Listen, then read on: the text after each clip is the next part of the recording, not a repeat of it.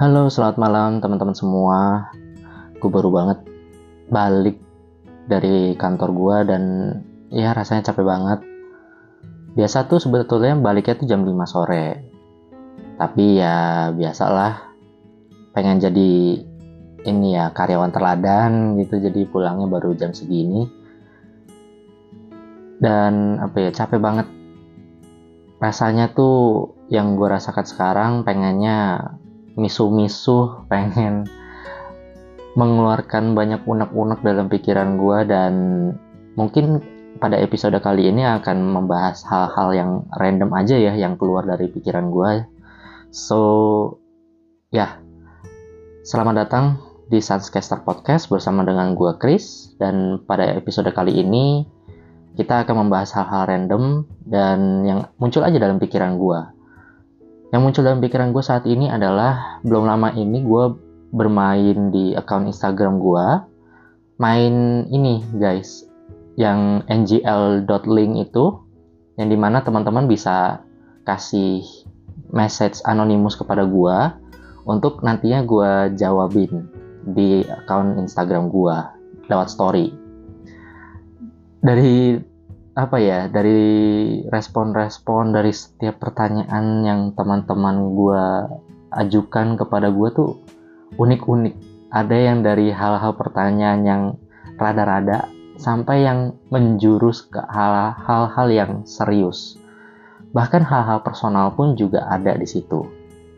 Sehingga gue berpikir bahwa sepertinya kalau orang ingin mengomentari kita sesuatu, dia akan lebih berani, dia akan lebih jujur ketika identitasnya tidak diketahui.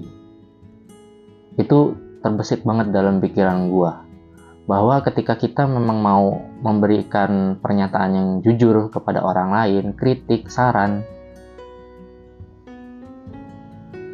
kita cenderung lebih nyaman ketika kita mengutarakan sesuatu dan kita nggak nggak nggak dikasih tahu identitasnya apa. Edit sorry identitasnya siapa. Bukan apa tapi siapa. Dan ini juga berlaku sebetulnya.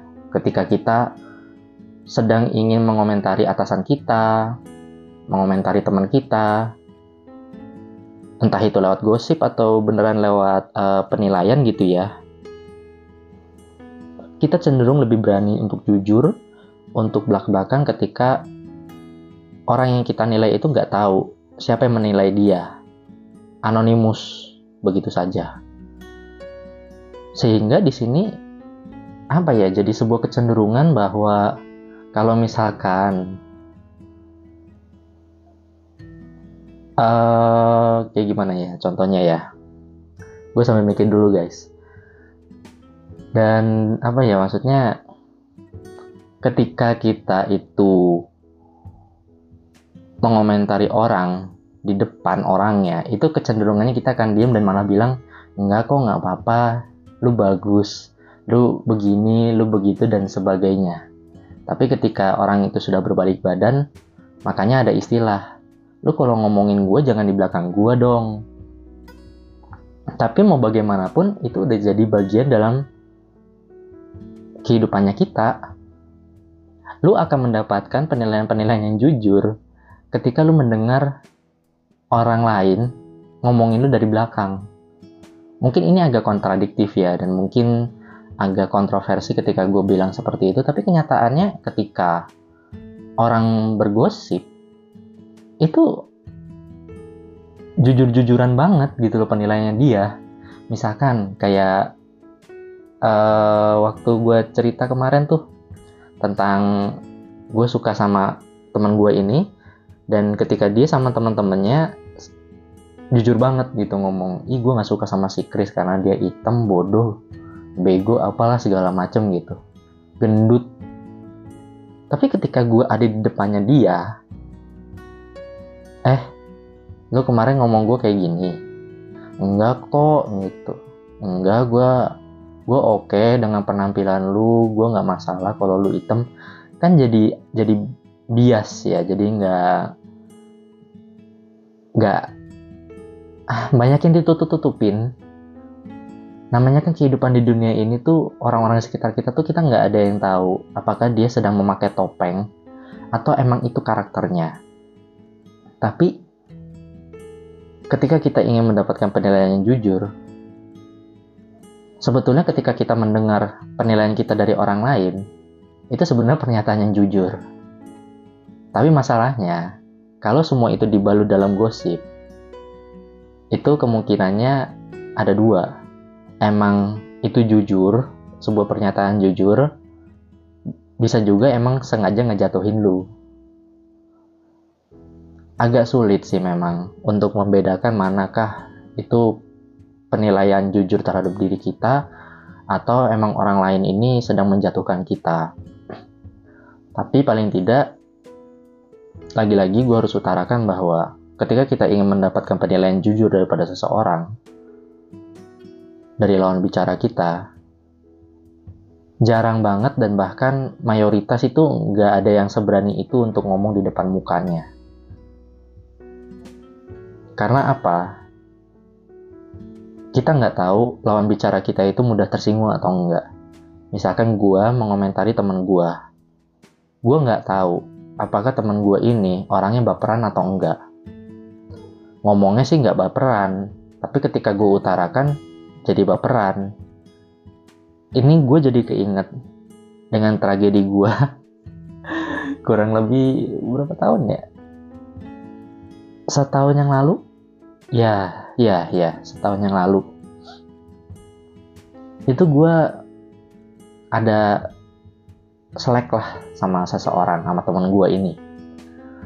Dulu rekan kerja, orang ini rekan kerja gue dulu. Atasan gua sih sebetulnya. Tapi karena seumuran dan juga temenan ya udah temenan gitu kan. Saat itu gue selek sama dia karena mengira gue pindah kerja ke kompetitor. Padahal nggak ada aturan khusus untuk gue bisa ke kompetitor atau enggak di kontrak kerjanya itu. Tapi pada saat itu gue memang lagi melamar juga sebetulnya dan emang udah diterima. Tapi gue kan juga sembari apa ya ya puji Tuhannya gue udah dapet nih naungannya. Tapi gue juga sambil melamar di tempat kerja gue yang sekarang. Paling tidak gue punya backingan lah gitu ya kalau misalkan saat itu gue gagal di tempat kerja gue yang sekarang. Nah gue di gue jadi gini ceritanya. Gue punya dua teman yang satu ini emang teman main gue orang lain lagi. Sebut saja si ini si C. Ya gue nggak mau nyebutin namanya siapa tapi paling tidak gue akan menggunakan inisial. Dua-duanya cowok. Si C ini sempat nanyain gue Chris lu gimana kabarnya? Baik? segala macamnya. Ya puji Tuhan baik. Terus gue cerita bahwa gue lagi melamar di dua tempat yang berbeda. Tapi yang satu ini gue udah keterima. Gue sengaja one man notice dan ini tempatnya kompetitor yang satunya lagi adalah tempat gue yang saat ini tapi masih proses wawancara Udah kan? Jelas dong maksudnya. Yang satu ini gue udah keterima tapi masih one man notice yang kemungkinan besar bisa masuk bisa enggak. Itu semua kan tergantung pada diri gue sendiri dong. One man notice. Yang satunya lagi, tempat kerja gue yang sekarang ini masih wawancara. Udah kan, jelas kan. Nah, teman gue nih si C ini nih. Ini kalau lu juga denger podcast gue ya lu bener-bener wah luar biasa sih. Pengen gue banting sumpah. Tapi itu kalau dulu gue kesel guys.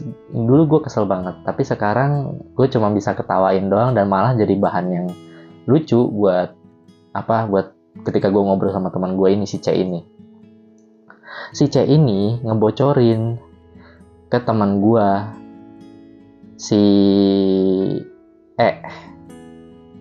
Nah, si E ini adalah teman gue yang dia sebagai bos gua tapi juga temen waktu gua kuliah.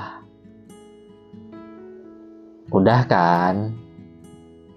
Dia naik pitam emosi dia. Kenapa karena nggak nyangka gua melamar ke kompetitor. Padahal secara legal secara aturan gua nggak menyalahi aturan. Tapi karena asas kekeluargaan karena asas gue sudah baik sama lu tapi gue nggak nyangka kenapa lu pindah ke kompetitor. Itu karena itu pasti karena itu. Mau alasan apa pun nggak mungkin.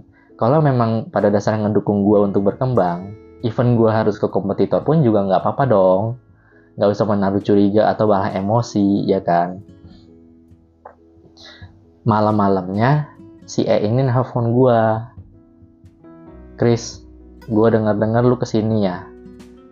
Dengan apa ya dengan perasaan yang dia tuh lagi nahan emosi. Dia mencoba untuk nggak emosi nahan emosi tapi itu ketahuan sama gue gue cukup peka orangnya terus akhirnya gue tanya terlalu banyak basa-basi di awal sebetulnya terus gue tanya ada apa kenapa terus akhirnya tadi dia bilang itu gue dengar-dengar lu mau pindah ke sini ya ke kompetitor Ya gue jawab dong, iya.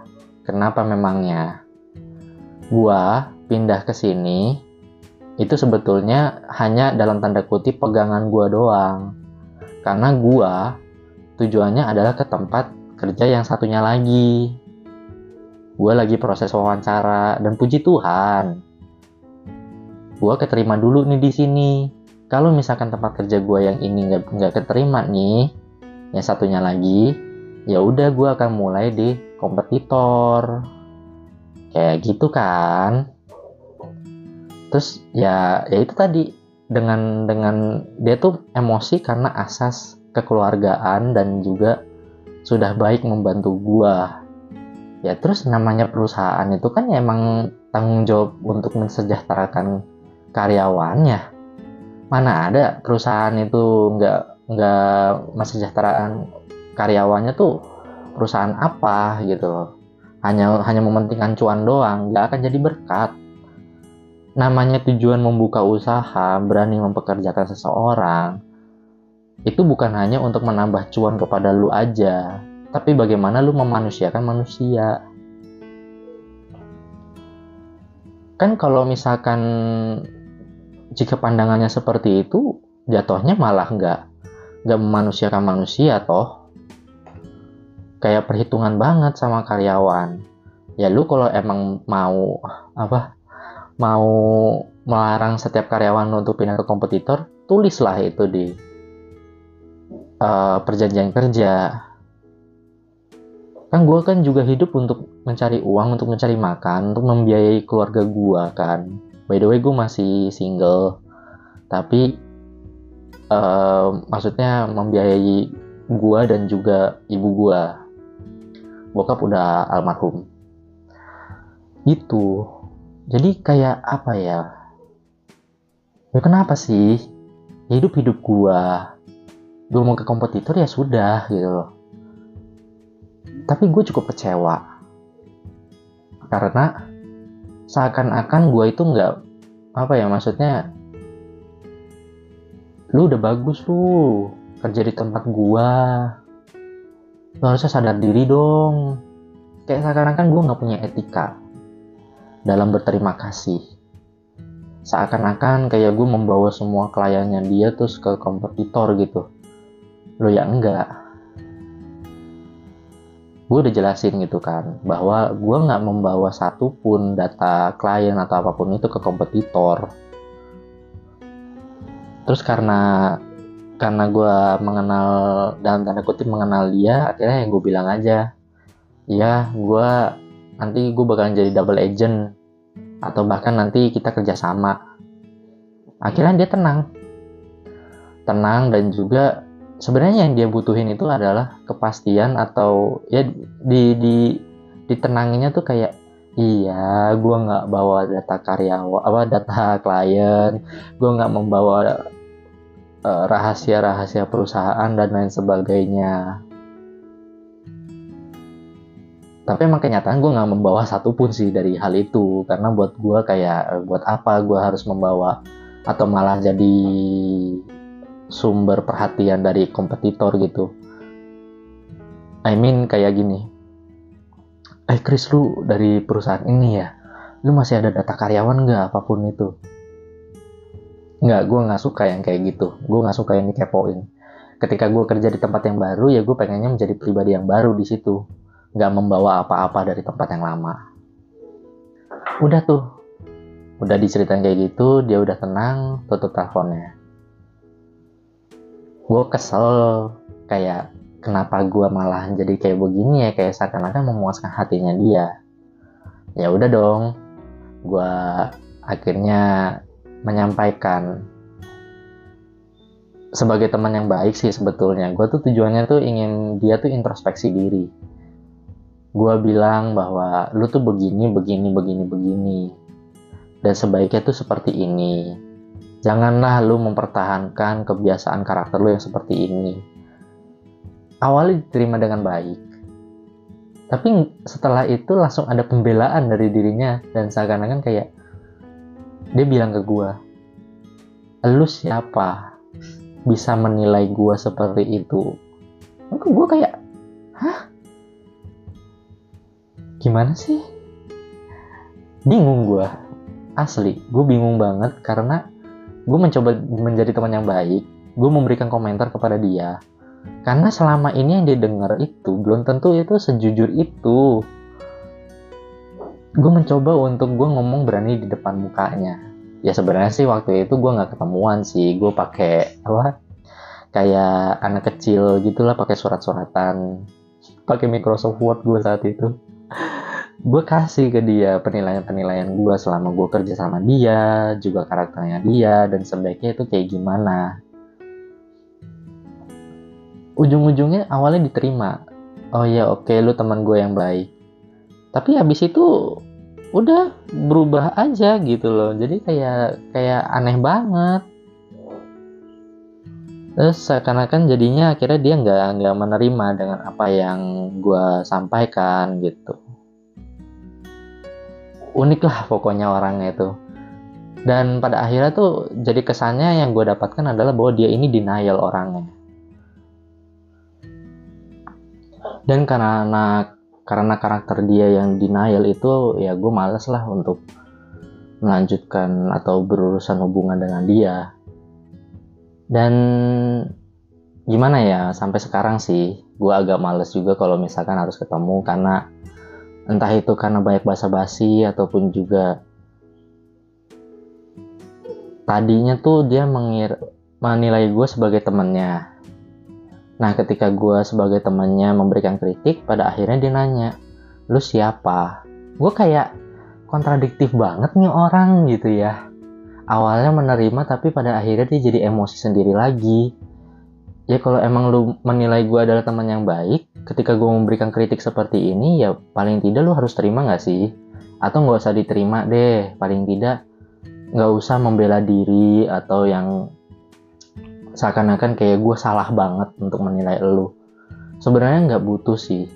Pun kalau misalkan ada orang lain yang menilai gue A B C D E gue nggak akan membela diri gue kalau itu memang menurut lu gue seperti itu karakternya ya sudah mau gimana lagi mau gue seberusaha apa pun untuk meyakinin lu ketika lu sudah menilai gue ini sebagai pribadi yang jelek akan selamanya jelek hingga pada akhirnya ketika lu lagi susah gue bantuin pandangan lu akan berubah terhadap gua. Dan itu ada sifat manusia yang seperti itu. Ketika pandangannya udah jelek, udah akan seterusnya tuh jelek. Sampai pada akhirnya ketika lu lagi merasa sulit, lu lagi merasa bingung mau gimana, merasa buntu, dibantu nih sama orang yang lu pandang jelek, pandangan lu akan berubah.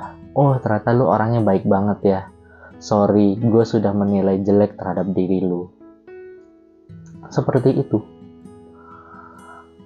ya itulah namanya keunikannya manusia gue nggak bisa menyalahkan dia memiliki karakter eh, karakter yang denial yang keras kepala itu gue nggak bisa karena itu emang udah mendarah daging dalam dirinya dia gue nggak tahu dan gue nggak begitu peduli terhadap latar belakangnya dia seperti apa. Gue lebih mempedulikan latar belakang orang-orang yang dalam kehidupannya itu senantiasa berjuang yang selalu rendah hati yang mau mendengarkan dulu opini orang lain masalah urusan lu terima atau enggak itu terserah lu gitu loh. Karena yang gue pahamin adalah orang-orang yang pintar, orang-orang yang rendah hati, mereka mau mendengarkan. Salah satu ciri utamanya adalah mereka mau mendengarkan. Dan rendah hati, walaupun apa yang dinilai itu salah, tapi dia tahu, mereka tahu bagaimana cara mengelola masukan, kritikan itu dengan baik. Bukan yang malah akhirnya membela diri dan bilang, lu siapa gua? Ya kalau lu mau ngomong kayak gitu dalam hati ya nggak apa-apa. Tapi kalau misalkan lu utarakan itu kepada orang yang lu anggap temen baik ya teman baik dan lu malah bilang lu siapa? Ya untuk apa gitu loh. Maksudnya gue pun juga menilai diri gue bahwa ya untuk apa gue harus capek-capek menilai lu atau memberikan saran memberikan pandangan gue terhadap lu? Kayak gitu Nah itu dia yang menjadi apa ya topik pada episode kali ini bahwa manusia itu kecenderungannya dia berani berkata jujur, berkomentar jujur ketika orang yang dinilainya dia tuh lagi nggak ada di situ. Jadi pada akhirnya itu menjadi sebuah gosip yang tersebar yang tujuannya entah memang untuk membuat lu introspeksi diri untuk lu berubah atau malah jatuhnya menjelek-jelekan lu. Karena itu kembali lagi kepada pribadi masing pribadi sih. Kalau memang lu ibaratnya kayak lu punya mediasi gitu ya misalkan supervisor lu bilang oke okay, Chris apa yang mau lu sampaikan ke para manajer bisa lu sampaikan kepada gua. Nah Lalu gua menyampaikan kepada supervisor gua ini ini ini ini ini tolong sampaikan ke manajer ini ya. Terus dia yang langsung nyampaikan itu. Itu memang punya intensi, punya apa ya? Punya tujuannya emang lu ada kesusahan apa ngomong sama manajer ini biar gue yang jadi jembatannya. Disampaikanlah, beres tapi kalau misalkan emang tujuannya menjelek-jelekan kalau emang supervisor gue misalkan mau menjelek-jelekan gue kan bisa aja. Oh lu merasa nggak nyaman karena lu sulit berkomunikasi ya sama manajer lu ya. Oke diputar balikan lah itu semua fakta-fakta atau komentar-komentar gue menjadi suatu pandangan yang jelek untuk manajer yang gue tuju. Itu jatuhnya ya supervisor gue menjatuhkan gue itu hanya sebagai contoh gitu. Ya namanya di dunia ini kita nggak bisa mengontrol orang lain. Mulutnya orang lain hatinya orang lain pikirnya orang lain gitu kita nggak bisa. Makanya dari itu penting untuk kita memberikan batasan terhadap diri kita. Entah itu bercerita entah itu dalam bercanda apa pun itu atau lu lagi suka sama rekan kerja lu gitu kalau bisa nggak usah lah. Nggak usah dibicarakan lah dengan siapa pun yang ada di kantor. Karena baik itu di kantor ataupun juga di perkuliahan atau di sekolah gitu ya. Kalau emang lu punya sahabat ya sampaikan aja. Karena sahabat itu kan orang yang memang lu percaya tapi kalau untuk ke orang lain yang bahkan bukan sahabat lu hanya cuman temen rekan kerja temen kuliah mendingan nggak usah lah. Daripada nanti setiap rencana lu orang yang lu suka malah jadinya sebuah informasi yang salah jadi misinformation. Gue suka sama si A karena ini ini ini ini. Nah ternyata si apa cowok lain yang juga suka sama si A denger. Terus akhirnya dia ngomong eh si Chris tuh begini loh orangnya. Katanya dia suka sama lu gini-gini. Jadi nggak enak ya. Jadi misalkan kayak rencana gue mau deketin si A jadi gagal gara-gara ada orang lain yang udah ngegosipin duluan ngegosipin hal-hal yang jelek.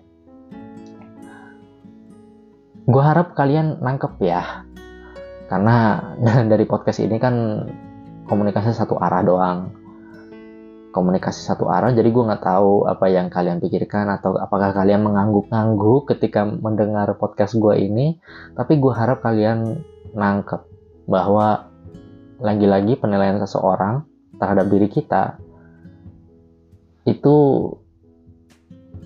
mereka akan lebih berani, mereka akan lebih jujur ketika kita nggak ada di situ. Yang itu yang pertama. Yang kedua, kita nggak bisa mengatur mulut dan juga perkataan atau pikirannya mereka. Itu di luar dari kendalinya kita. Dan yang ketiga, ini benar-benar saran gue untuk kita bisa hidup lebih damai, kita bisa hidup berdampingan dengan orang lain. Be humble setinggi apa pun kasta lu, sekaya apa pun lu, ataupun juga seberapa famousnya, terkenalnya lu, please be humble. Karena orang akan melihat value dari diri lu ketika lu menjadi orang yang humble, orang yang rendah hati. Bukan rendah diri ya, tapi rendah hati. Kenapa? Orang akan menaruh hormat kepada lu, mereka akan respect terhadap orang-orang yang seperti itu. Karena apa?